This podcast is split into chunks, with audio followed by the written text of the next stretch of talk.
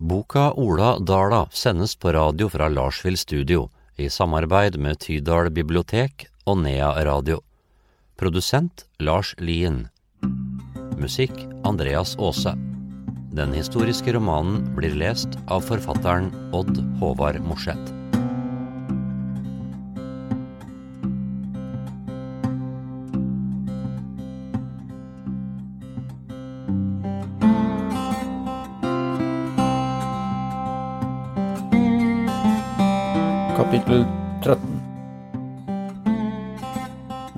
Lørdag 9. november 1823. Lørdagskveld. Mørket har lagt seg over tunet på Dala. Bare et svakt lys var synlig fra vinduene i stua. Gjennom tunet rusket en svak vind i kald nysnø og fikk den til å danse på lette føtter. Det lave månelyset skapte lange skygger og lyste opp de små krusningene som gikk utover sjøen. Frosten hadde lagt seg innover myrer og tjern, men hadde ikke klart å legge Stuggesjøen under seg for vinteren. Inne i stua satt Ola for enden av bordet. Lerretsskjorta hang utenpå skinnbuksa. Det tynne skjegget var mer pistrete enn noen gang. Det svarte håret hang langt ned mot skuldrene. Han hadde begynt å sette seg her, på far sin plass. Postillen lå oppslått på en av de bakerste sidene. Kirkeåret gikk mot slutten nå, når allehelgensdag var feiret. Bollen med kaldgrøt sto fortsatt på bordet. Ola hadde hentet inn saltet oksekjøtt, skar det i skiver og delte rundt. Det var lørdagskveld. For nedre enden av bordet satt Håkan med ryggen mot grua, Peder satt oppe ved langveggen. De hadde ikke bare tilbudt sin egen arbeidskraft, de hadde også skapt trygghet og ro hos de unge på gården. Nisjalvor hadde kommet tilbake fra Stuggevollen for noen uker siden, men han var for det meste lukket og lite pratsom. Det var som om det verken var barn eller lek igjen i guttungen. Ola hadde problemer med å få til en samtale med broren. Halvor svarte alltid knapt og tillukket.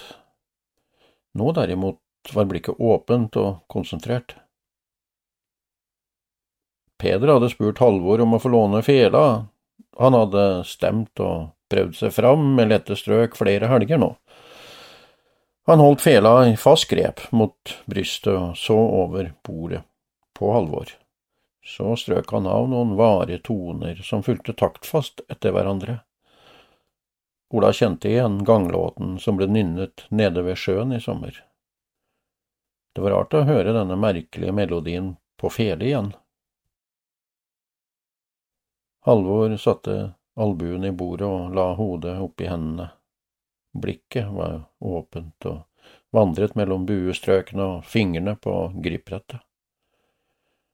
For første gang etter brannen så Ola broren med åpent, granskende blikk. Han hadde en tydelig og vaktsom interesse for musikken. Oksbergsmarsjen, sa Peder og senket fela. Når du har lært deg den, Halvor, da er du musiker. Det var en egen ro og nærhet over den lille forsamlingen i stua. Håkan hadde funnet et hvalbjørkemne i vedhaugen og spikket til et knivskaft. Det lå flere knivemner oppi smia etter Gamle-Halvor. Anne satt med ryggen til bordet, hadde fanget fullt av nykaret ull og trampet på en måte takten med foten i rokken det store hjulet snurret og gikk, mens ulla tvinnet seg til en tynn snor ut av hendene hennes og inn på snella. Hun kastet noen blikk bort på Halvor, og deretter på Ola, og de vekslet et raskt smil. Det var noe som slapp tak i Janne da hun så at alvoret var borte fra ansiktsdragene til begge brødrene.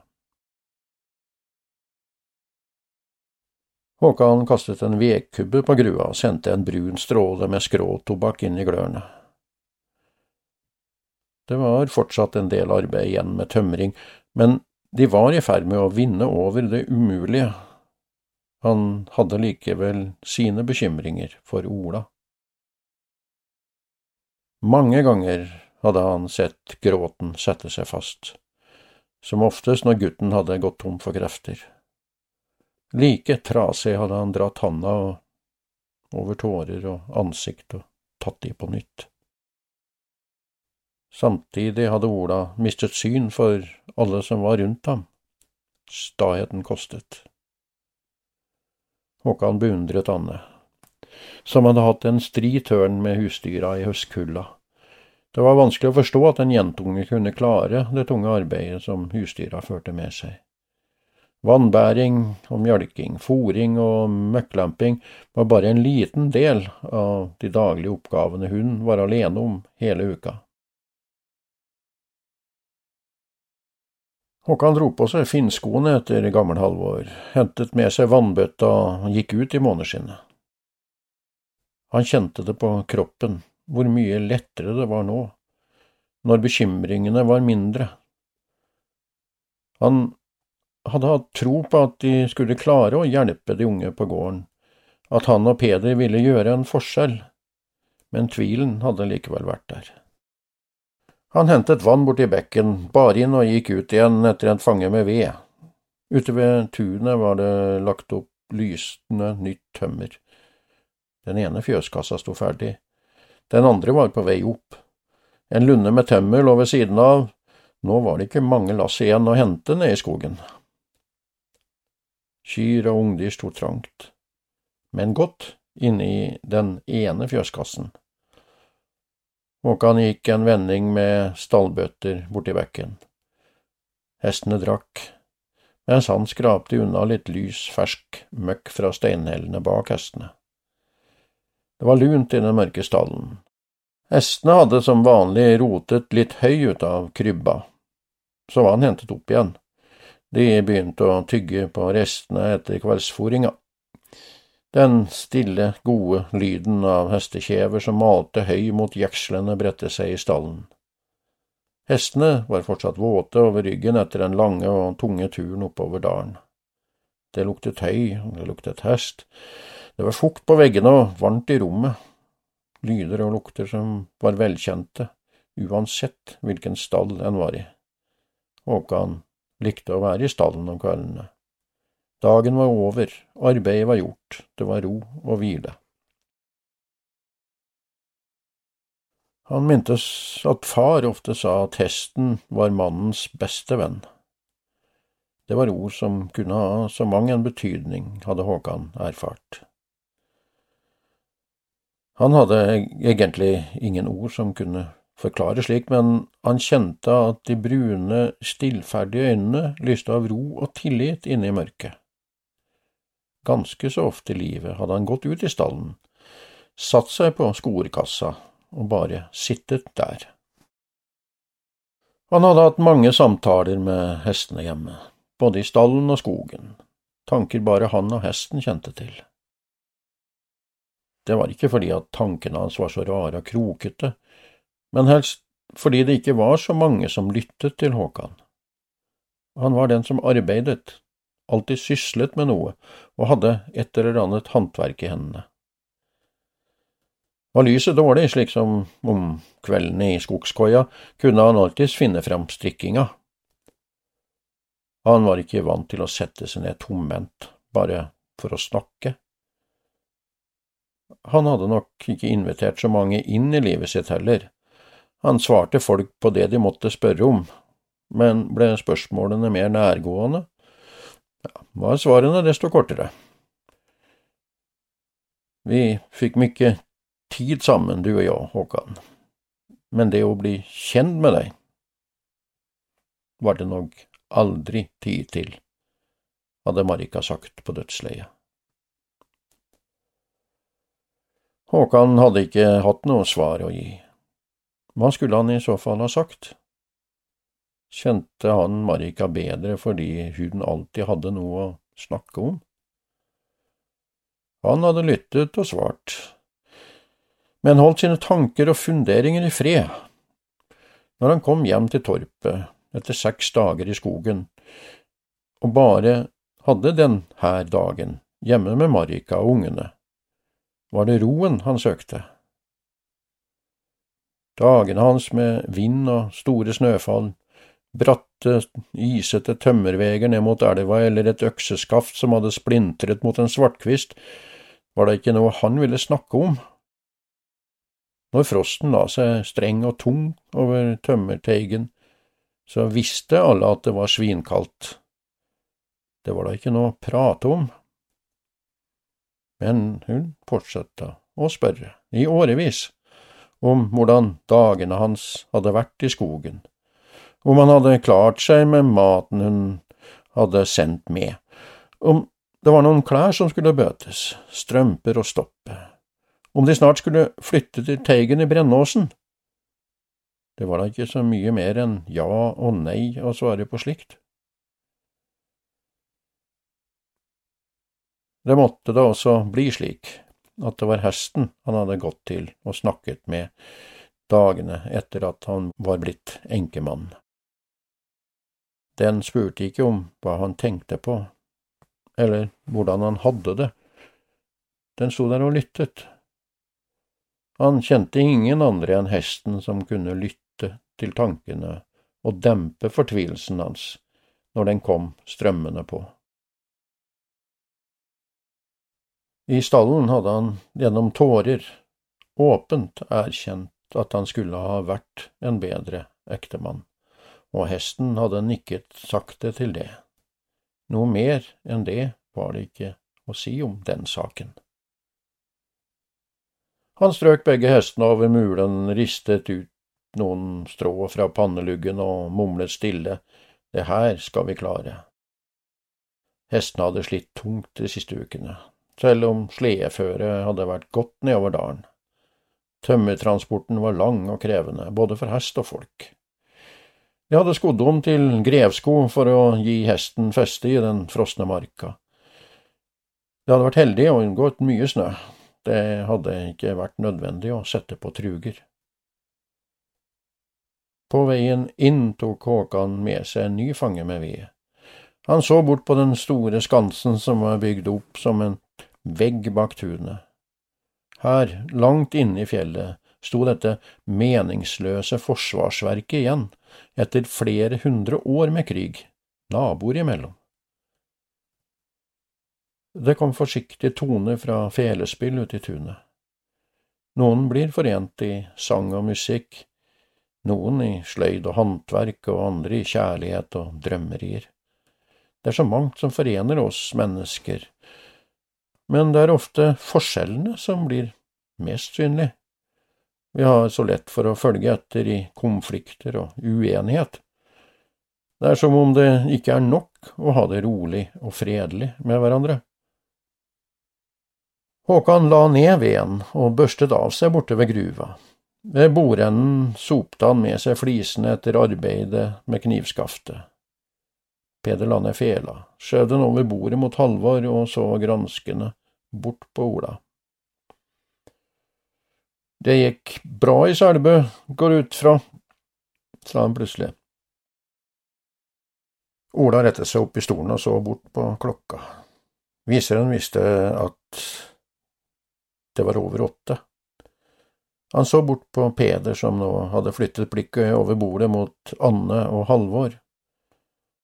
Det var som om Peder ville gi et signal, et signal om at han altfor ofte stengte søsknene sine ute fra alle hendelser. At han måtte fortelle. Det er lørdagskveld, det var kanskje sengetid, men det her må vi alle få høre nå. Tidlig i uka hadde Ola og Peder reist nedover med begge hestene. Håkan ble igjen på gården for å fullføre fjøstak og lage foringskrybber. Det var bare Peder som kom tilbake med tømmerlass på langsleden. Ola hadde tatt med sal og red nedover dalen til Selbu.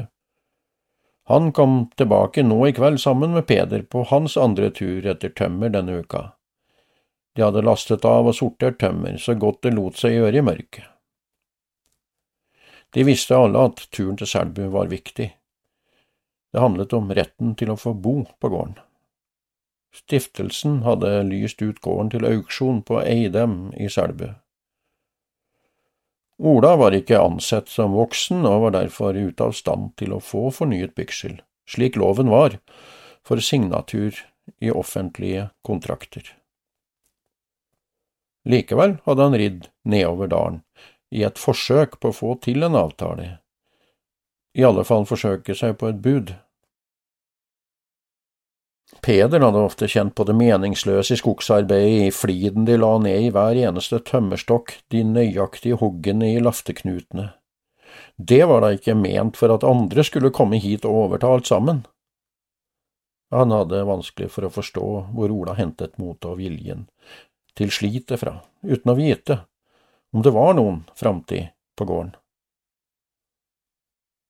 Alt det som nå var lagt ned av arbeid, kunne like gjerne være til ingen nytte. Det måtte de få svar på. Etter at Ola kom hjem, hadde alle vært opptatt med sitt. Peder hadde vært i fjøset for å avlaste Anne.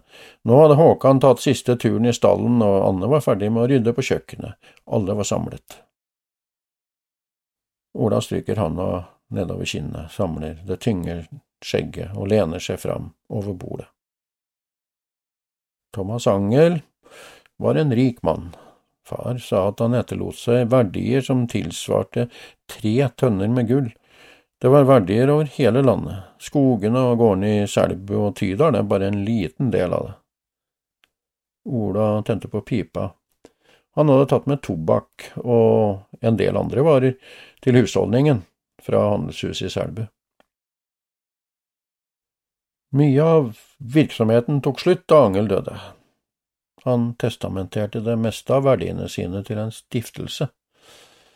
En stiftelse som skulle bruke deler av overskuddet på de fattige i Trondheim. Før han døde, bygde han Weissenhuset for å losjere fattige og husløse. Eh, har det her noe å gjøre med det som skjedde i Selbu, spør Anne. Ja, Ola drar på det og ser seg rundt ved bordet.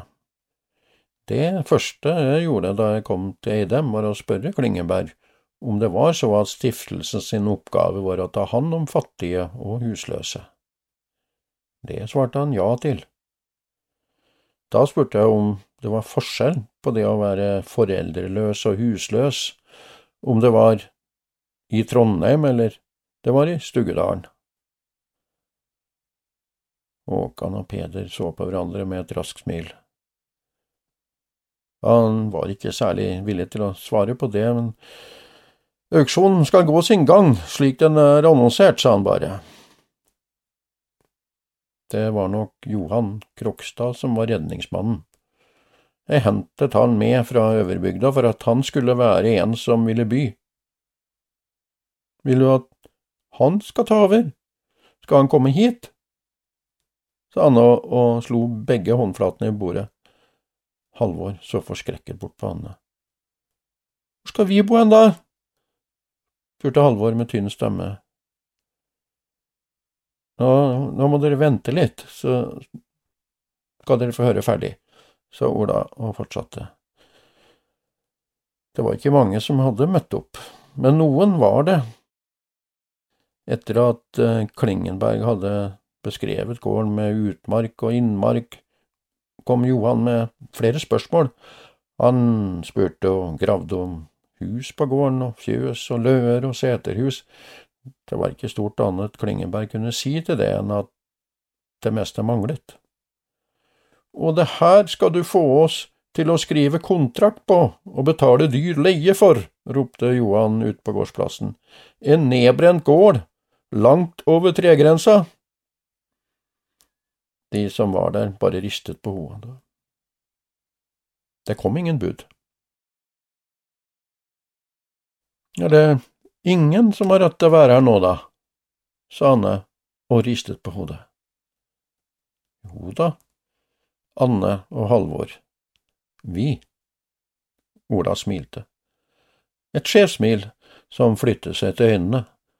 Han så glad og lettet ut, det var noe som blinket i øyekroken. Han hadde gledet seg til å fortelle denne historien. Han hadde spurt Klingenberg om det var ulovlig å betale forskudd på byksel. Det var det ikke slik han kjente til det.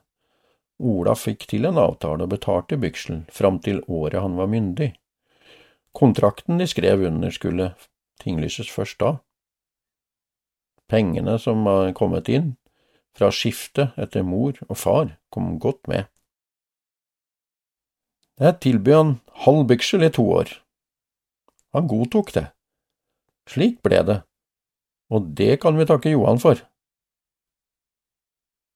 Det var nærmest som om dammen oppe i Kvenbekken hadde gitt etter og flommet gjennom det halvt utbrente huset.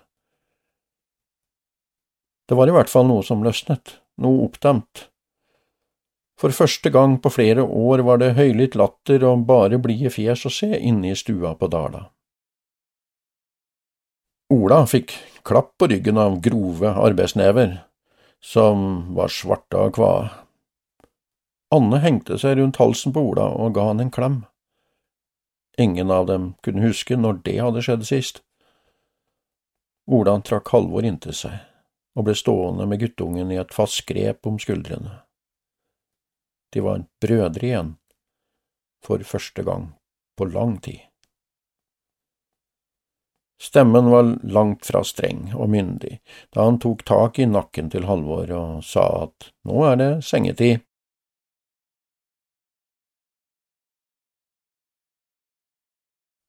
Skottgården, fredag 18. april 1862.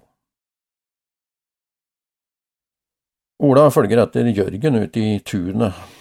Om det ikke blir endring på vær og vind snart, blir det her en buværsdag. En slik dag er det bare å holde seg til husene. Oppgaver i skog og fjell får bare stå på vent til været tillater det. Noen dager er bare slik. Han går over til kufjøset. Margrethe sitter på en krakk og melker en av de to kyrne som har kalvet. Det er en tradisjon å holde på de små, svarte kyrne i fjelltraktene rundt Røros. Rørosfe er etter hvert blitt en godkjent rase ved kjøp og salg av avlsdyr, både på fesjå og markedsplasser. De passer godt i beite ute på de skrinnende fjellviddene om sommeren, og er nøysomme i fòret gjennom den lange vinteren.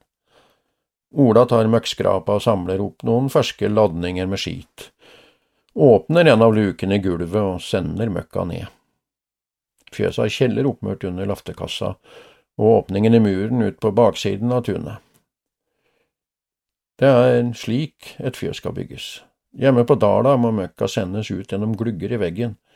Det er arbeidsomt når snø og møkk dekker til oppover veggene utover vinteren. Det var aldri tid til å tenke på kjeller og god grunnmur da fjøsene på Dala ble bygd opp igjen etter brannen. Ola har gått med tanker om nytt fjøs med kjeller i mange år. Nå har den nye svigerdattera begynt å endre på de planene. Kari er kanskje bare ung i alder og ivrig etter å endre gårdsdrifta, men hun ivrer etter å flytte hele gården. Det blir for mye.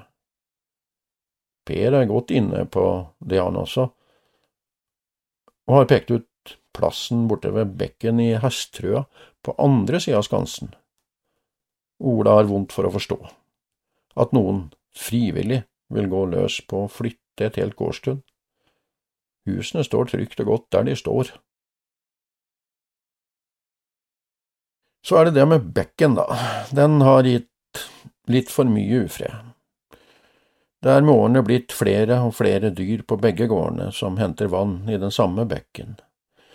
Naboen i Neggarden kommer stadig med beskyldninger om at de tømmer bekken. Utpå vinteren må de uansett ut på isen for å hente vann. I vårvær jager de hele buskapen ut til drikkehull på isen. Kari maser stadig om at de må gjøre noe for å sikre seg vann. Løsningen har hun funnet, flytte gården. Det verste er at det ikke stopper med det. Nå i vinter har hun begynt å snakke om et stort fjøs med kyr, ungdyr, geiter, sauer og til og med stall til hest under samme tak.